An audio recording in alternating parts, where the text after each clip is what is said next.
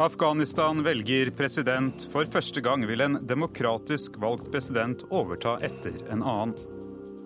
We need to ensure that people have trust in the future. The second issue is justice.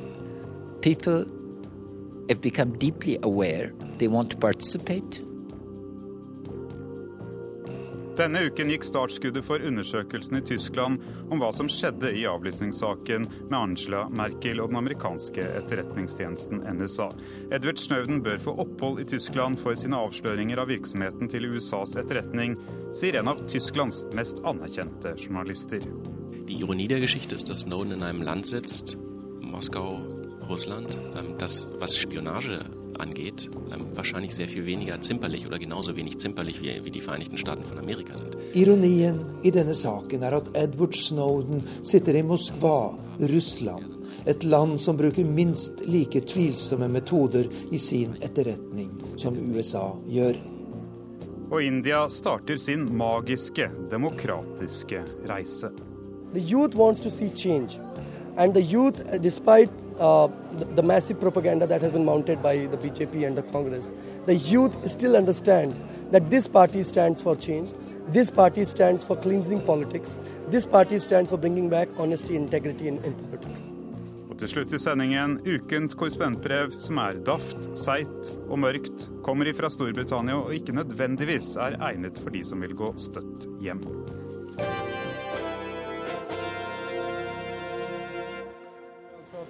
Du lytter til Verden på lørdag. I studio sitter Philip Lote. I dag tidlig åpnet altså valglokalene på tvers av Afghanistan. Vi skal forsøke å ta inn rapporter fra flere steder i landet og advare mot en del sprukne, sprakte telefonlinjer. Men aller først til lederen for valgkommisjonen, når man kunne begynne å stemme i dag tidlig. My message to the people of Afghanistan is to come out and vote for their favorite candidate. So this is a good day for Afghanistan. Det var Josef Nuristani som ba folk om å stille opp og komme ut og stemme fordi de ønsker som den kandidaten som de ønsker som landets neste president. Og eh, jeg håper vi har med oss Anders eh, Sømme Hamer. Eh, hvordan har stemmegivningen utartet seg eh, i morgentimene i dag? Jeg har vært i Øst-Afghanistan, eh, og det startet veldig rolig. De første møtte opp eh, halv sju i morges. Eh, Stemmelokalene åpnet sju. Er det preget av Jeg var optimisme? i ja, jeg var i, jeg var i Paktia-provinsen, og det skjedde noe veldig dramatisk bare for en time siden. Da vi var på vei ut av provinsen, så ble vi stoppet i en sikkerhetskontroll. Mens vi sto der og ble ransaket av soldater, så kom en bil inn. Og bak i den Toyotaen lå det en mann som var skutt i nakken av Taliban. Han var skutt av en skarpskytter. Han ble skutt idet han var på vei til et stemmelokale i et distrikt i Paktia. Eh, Så det er absolutt veldig dramatisk. Jeg vet ikke om han kommer til å overleve. Det så veldig stygg, stygg ut, de skadene han hadde i nakken. Anders Schømhammer, du blir med oss videre. Vi skal til Ghazni lenger sør, og der tror jeg vi har med oss Kadir Wafa, som jobber for Tolo News, eh, Afghanistans største TV-stasjon. Uh, and Kadir Wafa, uh, how has the voting been this morning from uh, in, in Ghazni? Yeah, the election started uh, later because the material uh, was not uh, in the site. I'm uh, now in the uh, site by the name of Hyderabad. It belongs to the center of Ghazni. The people participation is uh, good, normal, and uh, as uh, we talked with the people and uh, get interview with them, uh, they are very happy. They say, um, says that uh, if uh, Taliban uh, fight or uh, don't want uh, prevent uh, our uh, way, we don't um, accept their uh, wishes, uh, and the, the people participation is uh, normal. Uh, than the last election in uh, Ghazni, Mm. Kadir Wafa, please stay on the line. Just hold the line, please. Anders Sjømame, vi hører at Kadir Wafa fra Ghazni sier at det er optimisme, og at folk sier, som kommer til stemmelokalene sier at Taliban ikke skal skremme dem fra å, å stemme. Hva sier folk du har snakket med? Ja, de som møtte opp ved stemmelokalet, de var veldig positive og opptatt av at ingen skulle skremme dem vekk fra å stemme. Men det vi vet veldig lite om, er hva som skjer ute i distriktene. Veldig mange av rapportene som går ut i dag, kommer fra storbyene og, og større byer. Og vi vet veldig lite om hva som foregår på landsbygda, der 75% av befolkningen holder til. Jeg så altså en mann for under en time siden som var skutt i nakken. Det er meldt om mange flere angrep rundt omkring i landet, men det vil ta lang tid før vi vil få oversikt over hvor alvorlige de angrepene er. Ja, vi har hørt at I Lågar-provinsen så er fire personer blitt såret ved et stemmelokale i et eh, bombeangrep eh, der. Eh, du sier at de som er kommet fram er jo positive, men er det grunn til å tro, tror du, at også etterspillet av dette valget er positivt, eller går det den gale veien for Afghanistan? Det har vært en veldig negativ utvikling eh, den siste måneden. Jeg har reist rundt eh, hele landet. Jeg har besøkt alle fem regioner. Eh, og det, det som har gjort mest inntrykk, er den ekstremt dårlige sikkerhetssituasjonen. Jeg har bodd her permanent tidligere i fem år og kjenner landet godt. Men det har sjelden vært så ille som det er nå. Det har vært mange angrep, det har vært masse attentater, og folk er veldig preget av frykt. Det er mange som håper at det nå skal bli bedre. Og Vi ser også det mye i meldingene av det som går ut nå i forbindelse med valget. At folk har et virkelig sterkt ønske om at dette skal gå bra. Eh, men hvordan det vil gå, er helt uvisst fortsatt. I går ble jo en eh, kvinnelig journalist eh, drept, en annen såret, også det øst i Afghanistan. Har du noen gang følt deg mindre trygg i Afghanistan enn det du gjør nå? Nei, Dette er Afghanistan på det verste i den perioden jeg har vært her. Altså, det har aldri vært mer usikkert enn det det er nå. Det er en, helt, det er en vold som er helt ute av kontroll, eh, som åpenbart er rett, der meningen er å skape mest mulig frykt. Altså Man ønsker å skremme, og derfor så gjennomfører man veldig dramatiske angrep som gjør folk veldig redde. Og Det gjør selvfølgelig alle som er her, også utrygge. Tusen takk for din eh, deltakelse, Anders Schømhammer. Vi kommer til å høre mer til deg i NRK utover dagen uh, i flere programmer. Uh, Kadir Wafa, if you are still uh, with us, could you say who is the favorite candidate? Hvem er favorittkandidaten? Who is likely to, to win in Ghazni, where, where you are?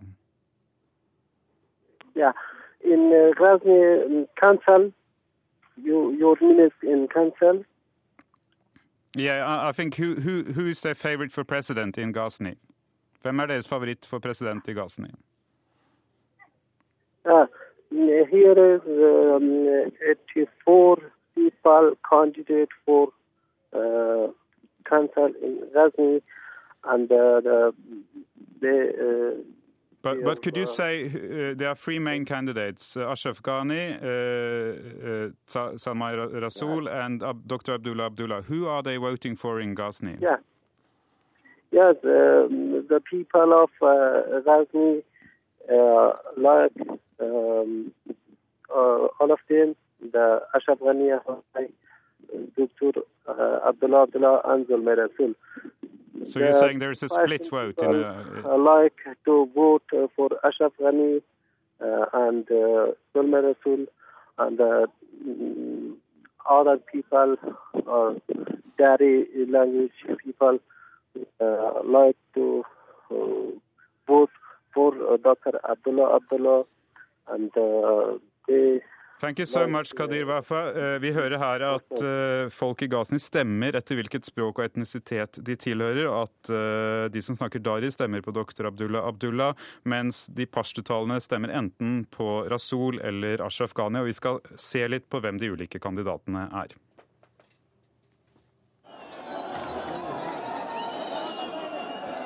Det er et ungt og krigsherjet folk som i dag går til urnene i Afghanistan. 64% av befolkningen er under 24 år. Den viktigste saken er sikkerhet. Hvem av presidentkandidatene tror velgerne best kan sette betingelser for fredsforhandlinger som både er reelle og oppfattes som rettferdige? De andre hovedsakene er økonomi og kampen mot korrupsjon. The experience of daily corruption is on people's nerves, on their pocketbooks, and on their. So they want a fundamental reform of governance uh, in delivery of services. Doktor Ashraf Ghani er mannen som hadde en toppjobb i Verdensbanken, men som vendte hjem til Afghanistan etter Talibans fall. Ashraf Ghani er akademisk anlagt, med et elitistisk vesen. I noe større grad enn de andre presidentkandidatene har han troverdighet når han løfter frem kampen mot korrupsjon som den viktigste saken, i tillegg til sikkerhet. We need to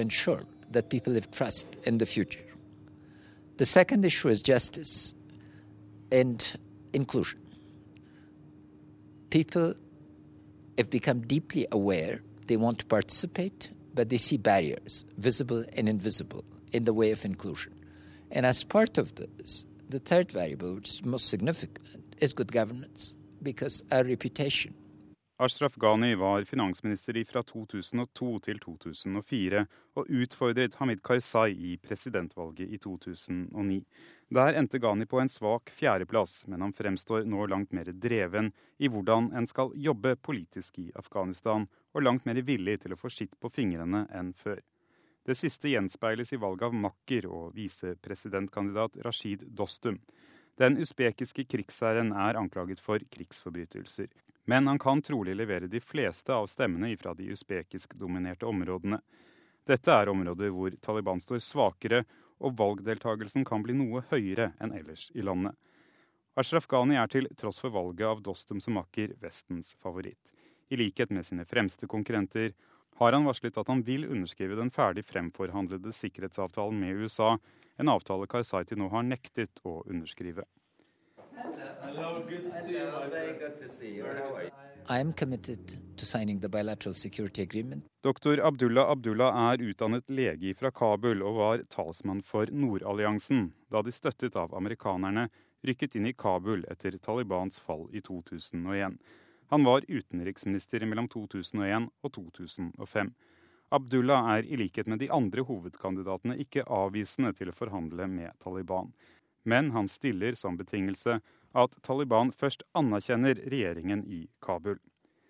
Abdullah var rådgiver for den etnisk tajikiske krigsherren Ahmad Shah Masud, også kalt Panshirs løve, pga. sin maktbase i den vakre Panshirdalen, de fem løvers dal. Masud ble drept av Taliban kun dager før 11.9.2001. Abdullah fremhever at hans far er pashtuner, mens hans mor er tajiker.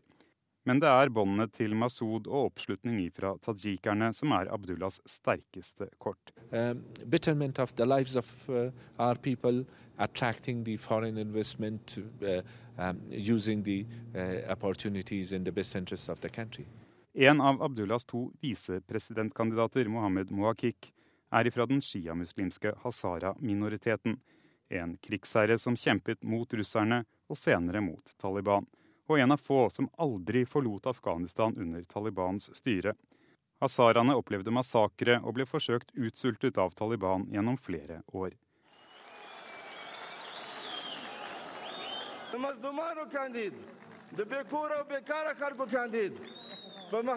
Salmai Rasul er i likhet med Ashraf Ghani personer og tilhører dermed den største folkegruppen i Afghanistan.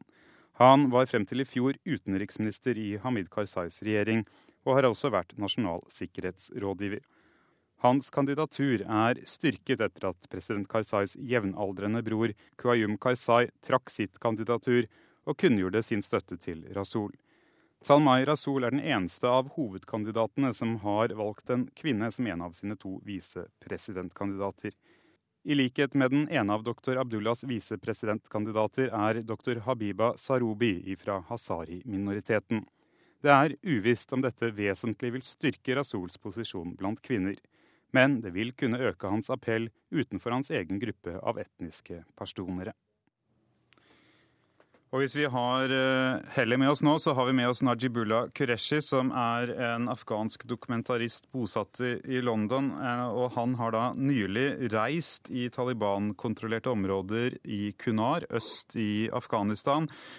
Uh, Najibullah, you have recently traveled in uh, Taliban controlled areas in Afghanistan, spoken to Taliban commandants and uh, uh, fighters.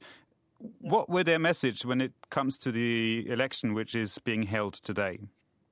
Yeah, their message was uh, clear. They were saying they were sabotage uh, election in Afghanistan because this is not the right election. This is just a drama the president already uh, selected from America, so there is no no point to take any election again. So they were saying this, and they were warning people to not go to the election, otherwise they will be get punished hardly. So this was the clear message as always. But the thing is, uh, after that, I, I traveled to uh, uh many more areas, uh, rural areas, which no one can go there or no one wanted to cover those areas and most of the population lives there. Uh, I went to those areas and I spoke with some uh, local people and they were fed up from the Taliban. They were against the Taliban and they said they are they, they, they run their life, the Taliban run their life and they don't like the Taliban. But people were really really happy to take part in the election, which was amazing. And on the other hand, uh, as you can notice, uh, Afghan people were all happy to go to the election. They were all, all willing to select their their own uh, candidate, their own uh, uh, future president. Please stay with us, Najibullah. Just, just stay with us uh, on the line. Kristian uh, Berg Harpøgen, direktør ved PRIO her i Oslo. Uh, vi hører altså Najibullah Qureshi si at ut på landsbygda så er det en del mennesker som ønsker dette valget og vil slutte opp om det. Hvor sterk er Talibans innflytelse i Afghanistan i dag? Det er ingen tvil om at Talibans innflytelse er eh, sterk. Vi snakker vel egentlig om en ganske fullstendig maktposisjon i en god del områder. Kanskje 30-40 av eh, Afghanistan. Det er særlig sør og øst. Og det inkluderer jo de områdene i i øst, som Qureishi nydelig har eh, reist i. Så det er interessant å høre hans rapporter. Men det at de har denne makten, betyr jo ikke at de er populære. Og det er jo det som er interessant med den kommentaren vi hører her, at eh, folk faktisk på tross av den enorme sikkerhetsrisikoen som Taliban påfører de i forbindelse med valget, ønsker å gå til valgurnen og uttrykke sin mening. Vi har også med oss Sayed Soa Rayed. Eh, du er statsviter eh, fra Kongsberg eh, og Afghanistan. Tilhører Hazara-gruppen, som vi har vært innom tidligere i sendingen. Er det et positivt valg? Altså, kan det bety noe godt for Afghanistan, dette valget her? ja, det, det tror jeg på. Fordi i dag leste vi i nyheter og hørte vi at tross alt uh, trusler og uh, utryggheter uh, er det mange som har stilt seg i valgkøer. Og det betyr at folk er villige til å gå for demokratiet. Og de, de vil bruke stemmeretten. Og de er ikke redd truslene. Jeg har lyst til å bare gå til Najibullah Qureshi en gang til. Najibullah, are you with us still? Yeah. Yeah. Uh, what possible uh, part do you think that Taliban, hvilken rolle tror du Taliban kan spille in uh, uh, peace process negotiations after these elections? Are some of them willing to talk? Vil noen av dem være villige til å forhandle ved, uh, med regjeringen i Kabul? Would they go to peace negotiations? Well, the problem is, uh, I asked this question as well, but I didn't put on the film for some reason. They they will not go to the peace uh, talk and uh, they not accept that. They're saying as long as the foreigners or NATO or in Afghanistan, uh, they won't do anything in peace election or uh, anything else. And the other reason, there is not uh, Afghani Taliban. They they will willing to do that. They will willing to join the peace negotiation. But the problem is influence of other other other uh, Taliban from other areas, like from from uh, Pakistan, influence of Pakistan and all some Arab countries like Chechen, Uzbekistan. These countries, they won't let Afghan Taliban to decide because they were feeding them, they are helping them financially, and they have to be obey of them. They have to take order from them. Not they, they don't have their own decision basically, and they're relying to foreigner insurgents or foreigner extremists. So this is the problem. Thank you for taking part in the program, Najibullah Qureshi. Kristian Berg og Harpingen hører her at uh, det, er, uh, det, er, vanskelig å få Taliban til forhandlingsbordet, til reelle forhandlinger. Den som vinner dette presidentvalget, hvordan skal de gripe an sikkerhetssituasjonen uh, i, i, i landet? For det første så er det nok ikke akkurat nå på valgdagen at noen vil stå fram eh, fra Talibans side og si at vi er klare for forhandlinger når som helst. Eh, vi vet jo at forhandlinger er et stridsspørsmål internt i Taliban, eh, på tross av at man har jobbet med dette i mange år. Når det så gjelder spørsmålet om hva en ny president vil gjøre, så er nok det aller første å, få på plass en sikkerhetsavtale med USA. Det er jo et spørsmål som Karzai til manges overraskelse har valgt å utsatte, utsette til etter valget. Jeg tror nok det handler for Karzai litt om eget ettermæle. Han vil forsøke å riste av seg bildet av at han er en amerikansk marionett og fremstå som en sterk eh, afghansk patriot. og Det har nok resonnert med mange i den afghanske befolkningen.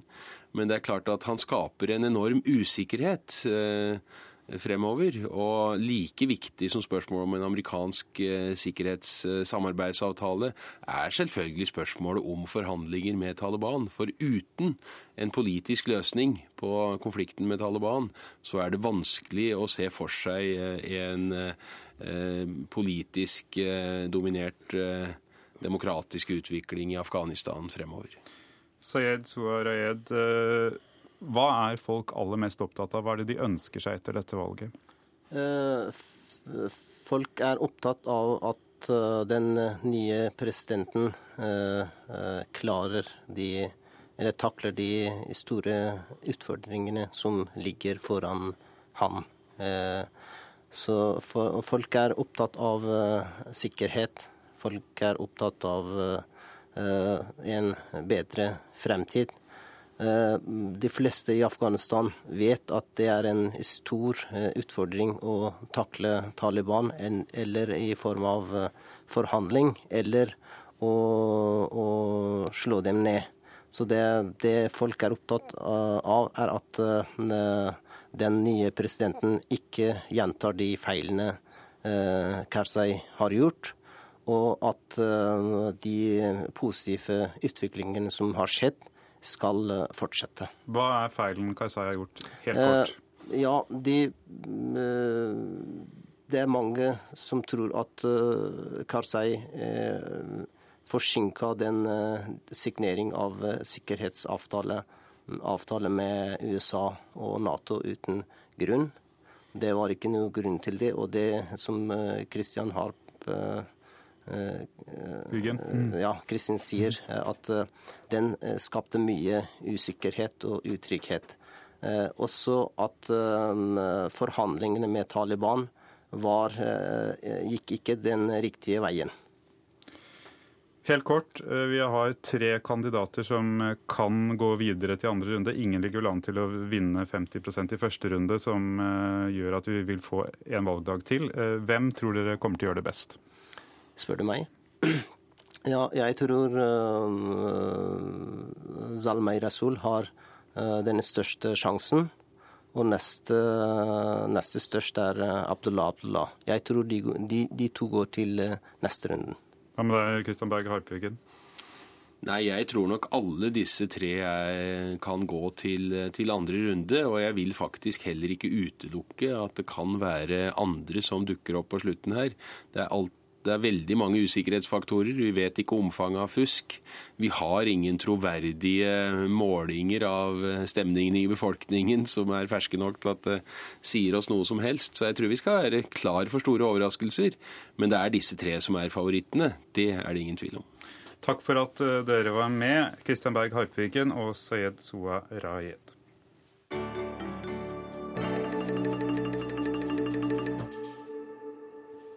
Edward Snowden bør få opphold i Tyskland for sine avsløringer av virksomheten til USAs etterretning.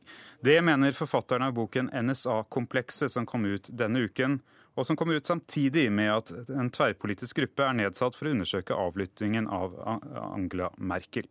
Boken er skrevet av to journalister fra ukemagasinet Der Spiegel. Arnt Stefansen har lest boken og møtt en av forfatterne, mens reporter Jelena Hugo Cabo har fulgt politikere i posisjon og opposisjon denne uken.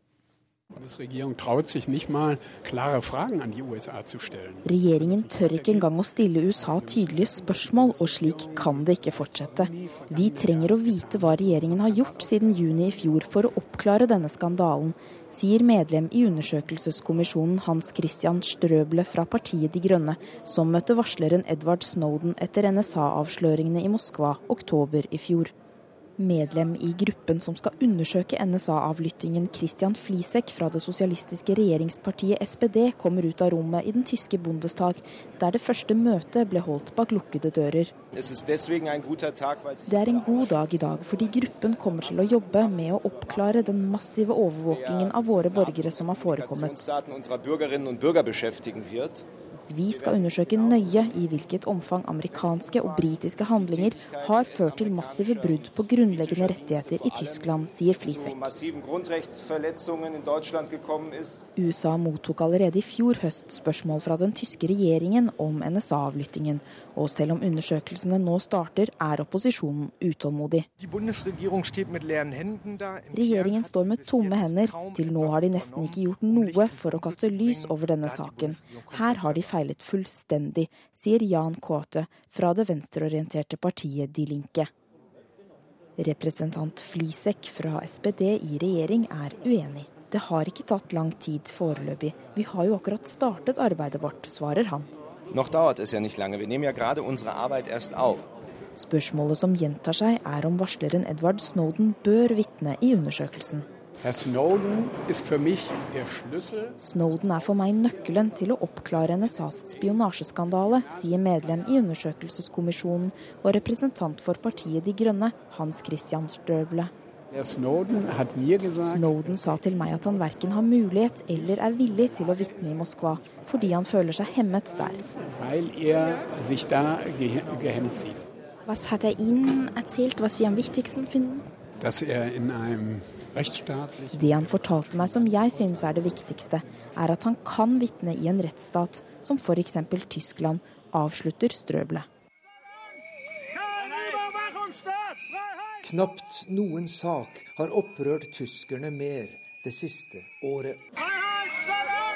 Selv i et land med en dyster historie om overvåkning av mennesker, kunne ingen forestille seg det som er blitt avslørt om virksomheten til den amerikanske etterretningsorganisasjonen NSA. Journalisten Holger Stark, som denne uken presenterte sin nye bok om saken her i Berlin, innrømmer at han er forbløffet over det han har vært med å avsløre. Ich beschäftige mich schon lange mit Geheimdienstarbeit, aber ich habe mir nicht vorstellen können, wie perfekt ähm, ein Nachrichtendienst Jeg har i lang tid beskjeftiget meg med hemmelige tjenester, men jeg hadde ikke forestilt meg hvor perfekt en tjeneste som NSA har utnyttet de mulighetene som har oppstått med det digitale samfunnet. Særlig gjelder dette tappingen av de store fiberoptiske kablene som inneholder ufattelige mengder data, og som er selve hovedpulsåren i internett, sier han.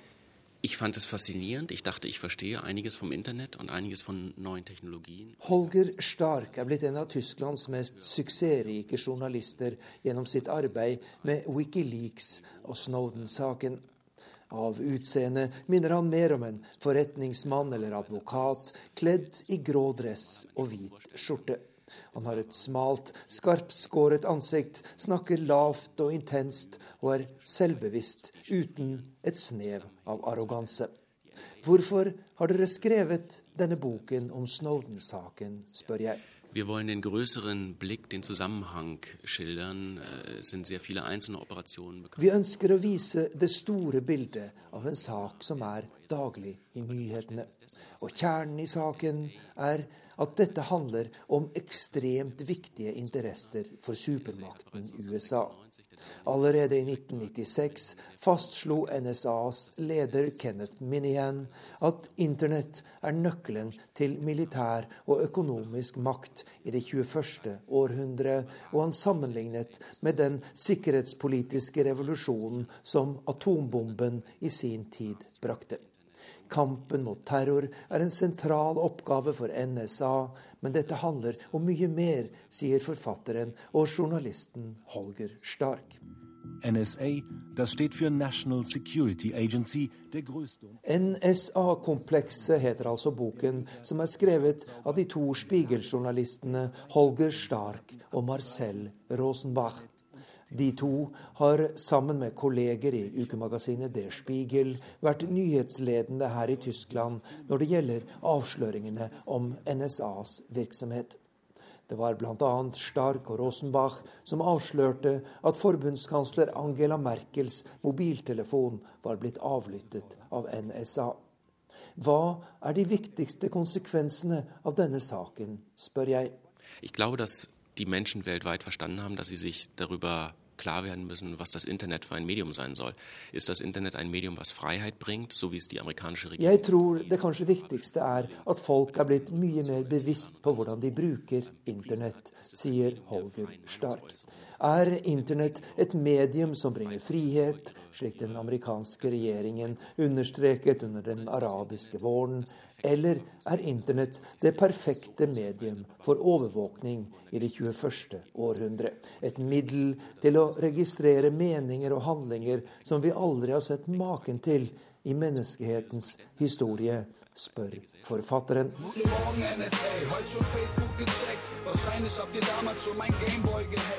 De to forfatterne av NSA-komplekset har jobbet med mange eksklusive kilder, bl.a. i etterretningsmiljøene i USA og Tyskland. Men det er dokumentene og opplysningene fra varsleren Edward Snowden som er det viktigste grunnlaget for deres arbeid. De har flere ganger hatt kontakt med Snowden via krypterte internettforbindelser, og de mener det er en skam at tyske myndigheter ikke vil gi ham opphold i Tyskland. Die Ironie der Geschichte ist, dass Snowden in einem Land sitzt, Moskau, Russland, ähm, das, was Spionage angeht, ähm, wahrscheinlich sehr viel weniger zimperlich oder genauso wenig zimperlich wie, wie die Vereinigten Staaten von Amerika sind. Ironien i denne saken er at Edward Snowden sitter i Moskva, Russland. Et land som bruker minst like tvilsomme metoder i sin etterretning som USA gjør. Han sitter der fordi han ikke har noe valg. Vi vet at han ikke trives i Moskva, og at han ser med gru på å skulle tilbringe de neste 30 årene der. Ukraina-krisa har ikke gjort situasjonen bedre, og jeg mener Tyskland nå bør vise mot og ta imot denne mannen som har gitt oss kunnskap av så stor verdi, sier forfatteren og journalisten Holger Stark her i Berlin. Og våre utsendte i Berlin var Arnt Stefansen og Jelena Hugo Cabo.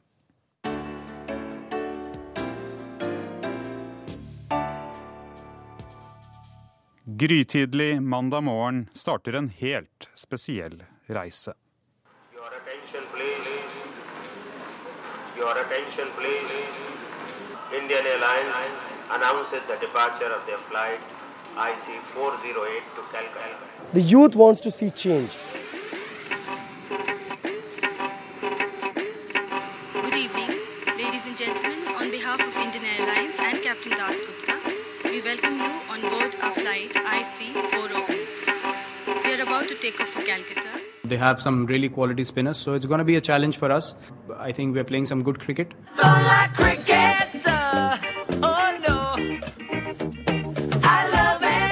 Uh, opinion formation is happening on social media, opinion gathering is happening on social media. It's pretty much become the way of life for a lot of urban young people. I think social media will play a pretty big role uh, in the way these elections uh, pan out. We hope you enjoy your flight. Thank you. Altså mandag morgen åpner valglokalene i flere valgkretser i India. Valget vil eh, vare i fem uker, fra 7. april til 12. mai. De to hovedkandidatene til å bli statsminister i India etter valget er hindunasjonalisten eh, Modi og også arvingen i Nehru Gandhi-dynastiet, Rahul Gandhi. Men det er, som vi hører, også VM i cricket. Eh, I går kom en eh, dødsdom i den beryktede og forferdelige voldtektssaken som har rystet India det siste året. Og det er konkurranse om oppmerksomheten også når det er et stort valg i India. Joar Ho Larsen, som har levd og virket i New Delhi, kåserer om et land du kan like, men alltid ikke like mye. India er så mye. Sterke farger, lukter og lyder, kaos og harmoni, støy og stillhet. Det er uberørt natur og ufattelig forurensning. India er flott, og India er fælt. Et land der mye er gjort, og mye er ugjort.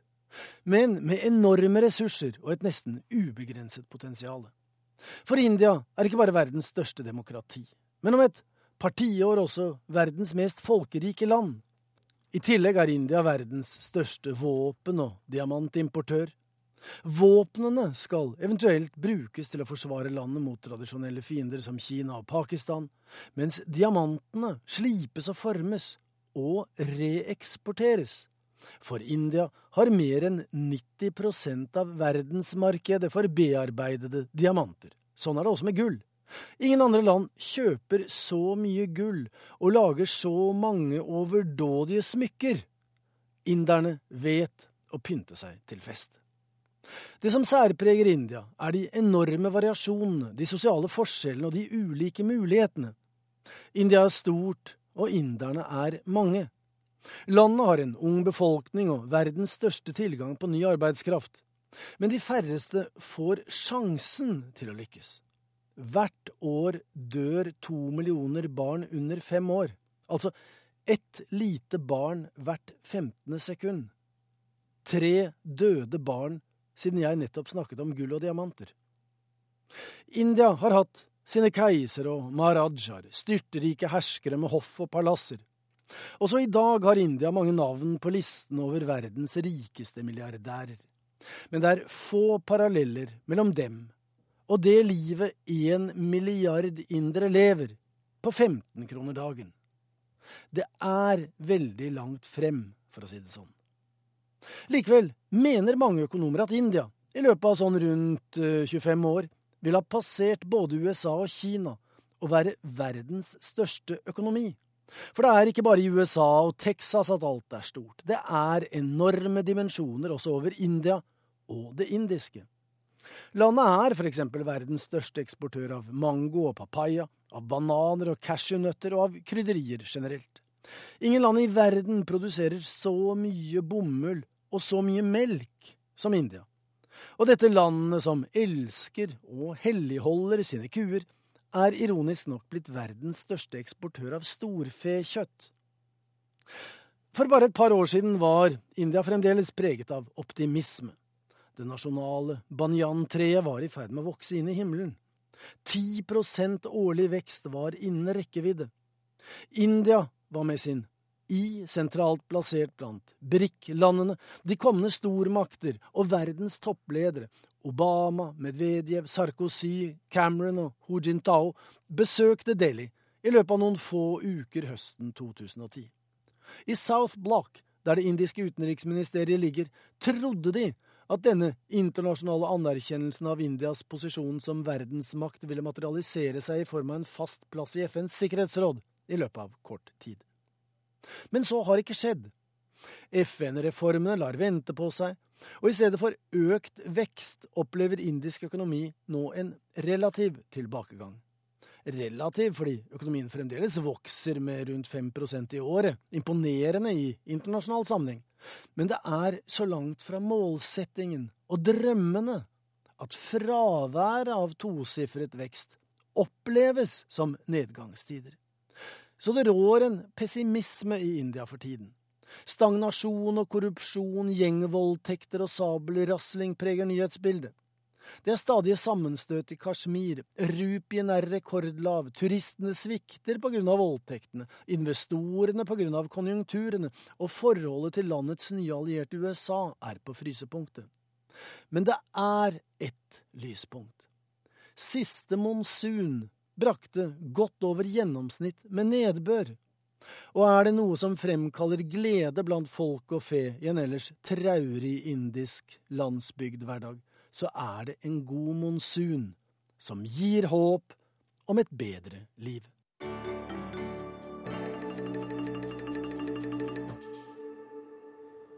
Nærmere 400 barn fra Mellom-Amerika ble forrige uke funnet i Mexico i forkommen tilstand, etter å ha blitt dumpet av menneskesmuglere. De var på vei til USA i håp om et bedre liv, slik titusenvis av mellomamerikanere gjør hvert år. Stadig flere av dem som drar, er barn, forteller Benedicte Bull, som er leder for Norsk nettverk for Latin-Amerika-forskning. Bakteppet er at det har vært en økning av barn som prøver å ta seg alene via Mexico til USA. Det rapporterer de forskjellige herberger i det sørlige Mexico. Et tog med drømmer er på vei nordover, gjennom Mexico og mot USA, med håp om et bedre liv. Unge menn klamrer seg fast på taket, og noen henger langs siden av toget som fyker gjennom sukkerrørsmarkene sør i Mexico. Dette regnes som en av verdens farligste reiser. Likevel tar titusenvis av mellomamerikanere sjansen hvert år. Og stadig flere av dem er altså barn, forteller Benedicte Bull, som er førsteamanuensis ved Senter for utvikling og miljø ved Universitetet i Oslo. Det er flere og flere som flykter pga. volden, og da særlig kanskje barn og unge, som ofte er under trusler fra ungdomsgjenger, såkalte maras. Eh, enten at de blir tvangsrekruttert eller skal bli tatt av maras av en eller annen grunn. Og så er det vel en dynamikk i det at når noen drar, eh, og noen, å, noen faktisk klarer seg, så hører man historiene, og så er det flere som blir motivert til å dra fra ganske håpløse situasjoner, og da kanskje særlig i Honduras men ikke alle kommer trygt fram til drømmenes land USA.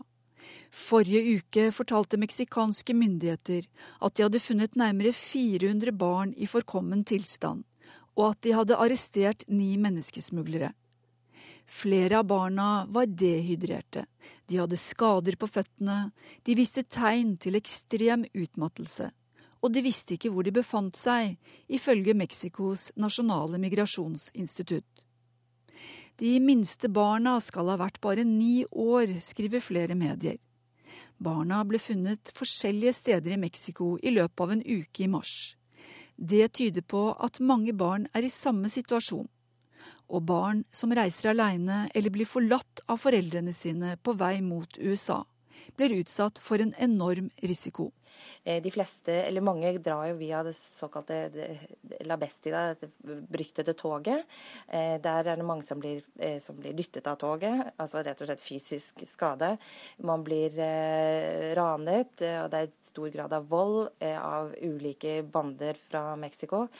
Flere blir tvangsrekruttert til, som ja, sexslavehandel, ulike andre typer organisert kriminalitet. Mange blir rekruttert til, eh, til kartellene.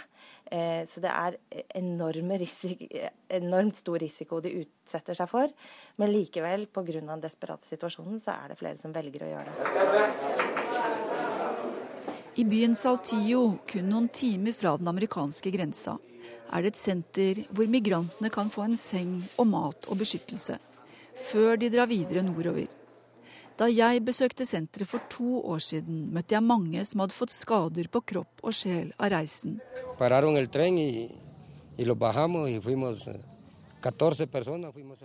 Da toget stoppet i byen Nueva Laredo, tok de med seg 14 personer.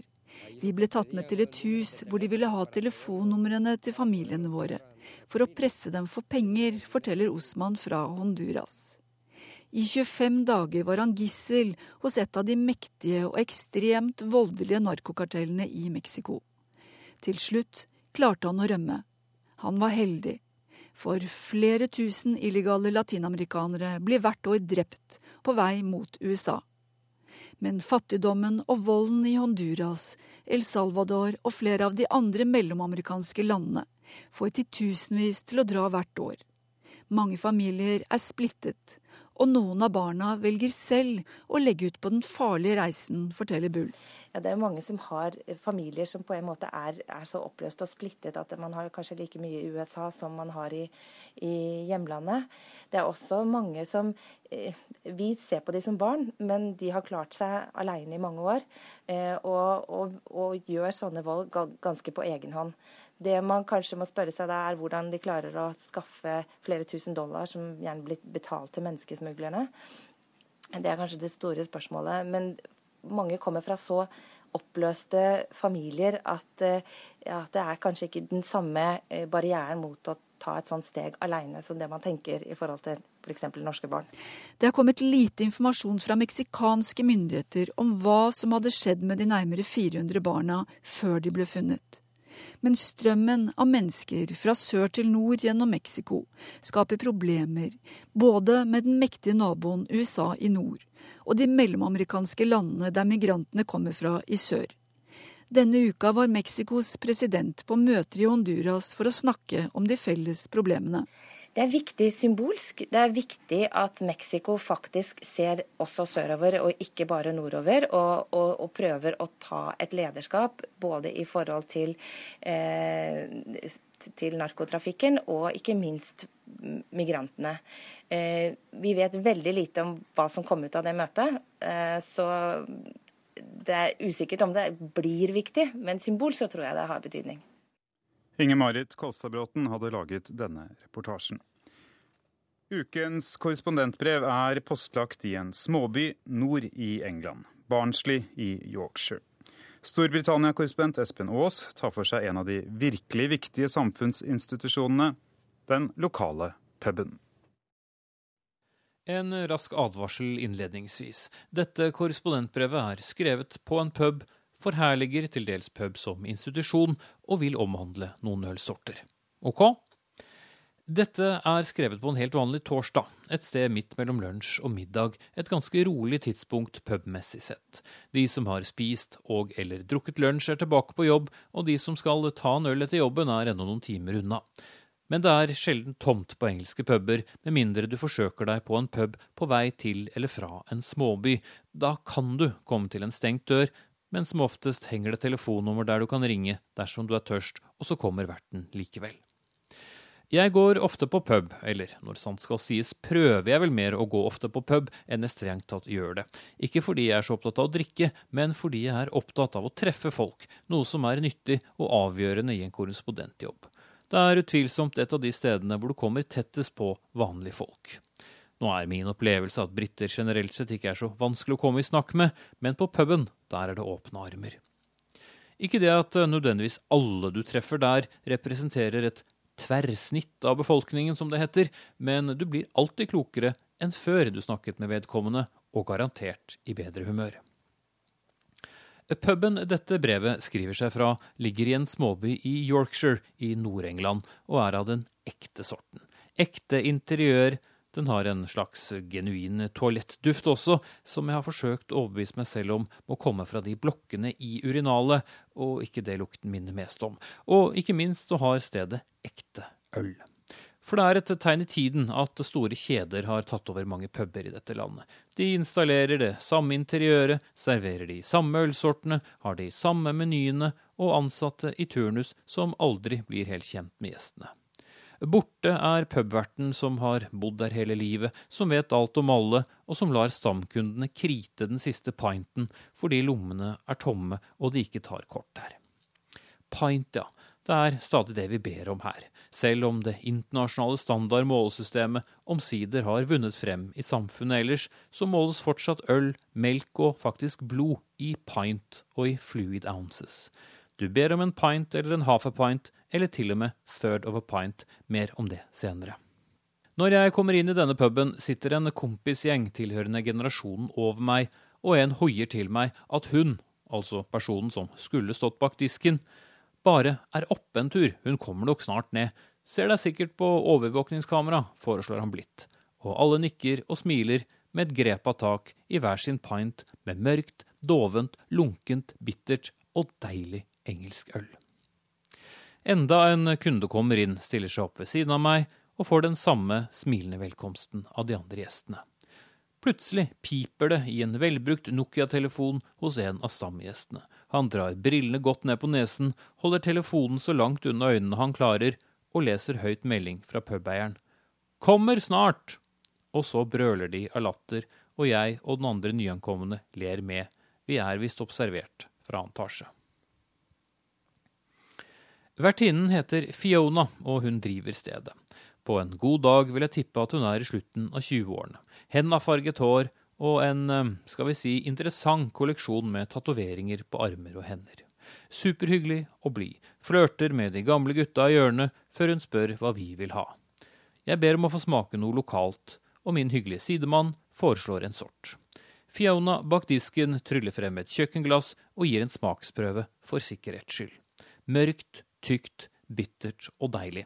Jeg vender tommelen opp, og noen strakser senere så står 0,568 liter på disken, altså en pint med hode eller topp. En skikkelig engelsk pint har nemlig noen millimeters topp over glasskanten. Det skal nemlig sikre at det er nøyaktig én pint, slik den britiske loven faktisk krever. Sidemannen er fornøyd over at jeg likte anbefalingen hans, og lurer på hvor i London jeg kommer fra. Han gliser og sier at han gjenkjente London-aksenten min med en gang. Før jeg litt stolt skal til å fortelle at den nok er tillært, og at han nok snart ville avslørt at jeg kom fra et annet sted, så er min venn for lengst forsvunnet inn i en forklaring om hvorfor han kjenner igjen London-aksenter. Jo, fordi datteren bor i Hackney. Nordøst i byen. Har jeg vært der? Ja da. Ja, var det ikke veldig rufsete der før? Jo da, men han er ikke redd fordi han er en sterk, gammel, seig stålarbeider, men ryggen er ødelagt. Ja, ryggen, ja. Plutselig unnskylder han seg og sier han må gå og sette seg ned fordi smertene er for store. Før han har vagget av sted med pinten i neven, har samtalen fortsatt med en tidligere budsjåfør som også kjenner London. Han er en del av kameratgjengen, men han er bare innom for en pint mens kona handler klær, og han må snart gå og møte henne. Pub er kultur i Storbritannia, og det er vanlig å dra på puben, enten alene, sammen med kolleger, kompiser, venninner, eller dra dit på søndag med familien for å spise.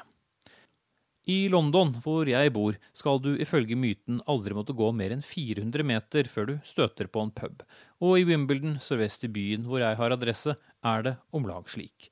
Vi har fem puber, fem utmerkede puber som alle ligger noen hundre meter fra hverandre, og hvor stemningen alltid er god, og et par av dem har i tillegg svært god mat. Pinten min er drukket opp, og stemningen er god. Fiona bak disken spør om jeg vil ha mer. Jeg drar litt på det. I min jobb kan jeg jo uansett ikke drikke noe særlig, fordi alt kan skje, og du må være klar til å rykke ut. Men jeg befinner meg på et sted ute i ingenstedsland og har kun konsumert én pint, så la gå. Fiona foreslår at jeg tar tre småglass, tre thirda pints, så får jeg smakt på flere av de lokale sortene.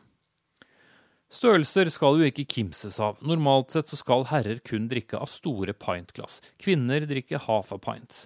Jeg har sluttet helt å bestille half a pint selv, til tross for at det er en bedre mengde mange ganger. I de mange tradisjonelle pubene rister det litt på hodet hvis en herre skal ha damestørrelse på ølet, og en kamerat nekter konsekvent å kjøpe det til meg fordi han da må sitte ved siden av meg mens jeg drikker av det som han anser som et dameglass. Men disse enda mindre glassene er innenfor. Det er vanlig, særlig i puber som spesialiserer seg på godt øl. Etter høylytte anbefalinger fra alle mine nye bekjentskaper har vi valgt tre. Den første kalles bare en mørk djevel, men det viser seg at fatet er nesten tomt, og hun er ikke fornøyd med fargen, så hun gir det heller bort til en ny kunde som hadde kommet hit bare for å smake akkurat den typen. Han forklarer meg at han er en listekrysser, altså han fører opp alle øltyper han smaker. Kona hans er også bare og handler noe, så han stakk bare innom. Samtalene er mange og gode. Etter at jeg har avslørt mitt hjemland, så har omtrent alle i puben fortalt sin norgeshistorie. Ingen har vært der, men det gjør da ingenting. Jeg får også gjort et ekstra opptak til reportasjen som jeg reist opp hit for å lage. Og det slår meg at hadde noen av disse samtaleåpnerne på denne puben blitt brukt på mitt stamsted i Oslo, ja, da tror jeg kanskje at vedkommende ville blitt møtt med et stort spørrende blikk, før den som var blitt snakket til, hadde bomlet et eller annet og gått sin vei. Min venn stålarbeideren kommer også stavrende tilbake og ser litt bekymret ut, ikke av ryggen, men det at han ikke hadde spandert en øl på meg i stad. Dette beklager han veldig, men vil også gjerne kjøpe en til meg nå. Det er aldri noe hyggelig å måtte avslå en så hyggelig gest, men jeg har over tre timer med togreise foran meg og har bestemt meg for at de timene skal brukes på å jobbe. En tredje pint øl ville neppe berike innsatsen særlig. Han blir lei seg, men mest over at han ikke hadde spandert tidligere, og jeg spør om ikke jeg kan få spandere en på ham i stedet, men nei, det går ikke altså. Runder er viktige, uansett om folk har mest kobber i lommeboken, skal det spanderes på de andre. Ja, er du ikke oppmerksom, så kommer det et jevnt sig av pints når du er ute. Særlig rett før stengetid. Jeg har vært ute med engelskmenn som idet det ringes for siste runde i baren, jumper opp og kommer tilbake med et fat med pints som vi skal konsumere på en halv time, gjerne to-tre stykker til hver. Med påfølgende hjerne og hodeskalle som ikke kommer til å passe sammen noe særlig dagen etter. Og min venn, som så gjerne vil spandere, har lovet å stikke innom Wimbledon neste gang han er i London og besøker datteren sin i Hackney, selv om det ligger helt på andre siden av byen og innbefatter sånn cirka tre skifter med banen. Jeg tror kanskje ikke vi møtes igjen, hvis jeg skal være helt ærlig, men jeg vet også at hans oppriktighet i ønsket om å få spandert den ølen er til stede. Heldigvis fikk jeg gitt noe tilbake også, og tipset ham om noen øltyper som brygges i London som han kan se etter på neste besøk. I mellomtiden blir det helt sikkert flere besøk for ham på den fantastisk trivelige puben i Barnsley, hvor alle passer litt på hverandre uansett hvilken side av disken de står på. Og har du ikke smakt en ekte pubatmosfære, så gjør det. Kanskje ikke midt i London sentrum, selv om det også går an, men gjerne et sted med litt lokalt tilsnitt. Ikke sikkert du får en ny venn for livet, men du får garantert minst én for den dagen. Skål. Espen Aas fra Barnsley. Denne Verden på lørdagssendingen er over. Følg valget i Afghanistan i ukeslutt i P1 og P2, Dagsnytt og Dagsrevyen utover dagen. Hvis du har lyst til å høre på sendingen eh, på nytt eller ikke fikk med deg alt, så kan du laste oss ned eh, på podkast.